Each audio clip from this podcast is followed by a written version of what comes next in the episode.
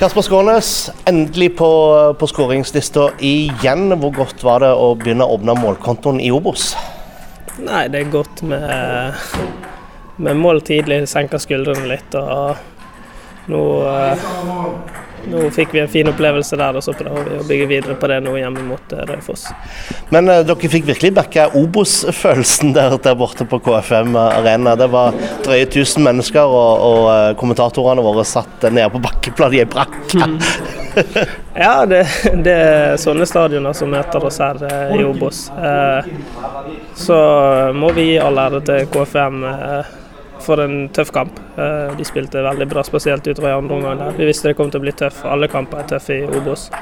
Eh, folk har veldig lyst til å slå oss, eh, og det det, det er sånn det er når du, når du rykker ned en divisjon. Men vi får brette opp ermene, og så får vi Vi skal aldri tape en kamp på innsats, i hvert fall. Så vet vi at noen ganger så vil vi, vi oppleve litt motgang, og så er det viktig at vi står i det og, tar tre poeng, sånn som vi gjorde. nå.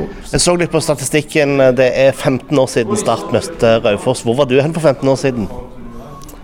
For 15 år siden var jeg vel eh, på Nymark. Spilte eh, rett utenfor Brann stadion der med en drøm om å, om å spille i de øverste divisjonene i Norge. Så jeg tror eh, hvis jeg hadde fått vite at jeg skulle, skulle det, så hadde jeg vært fornøyd på den tiden.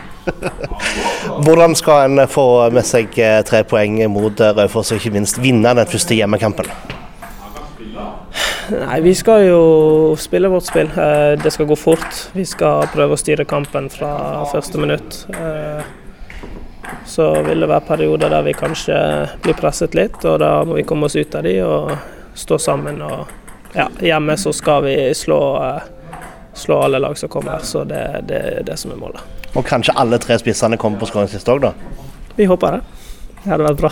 Fotballekstra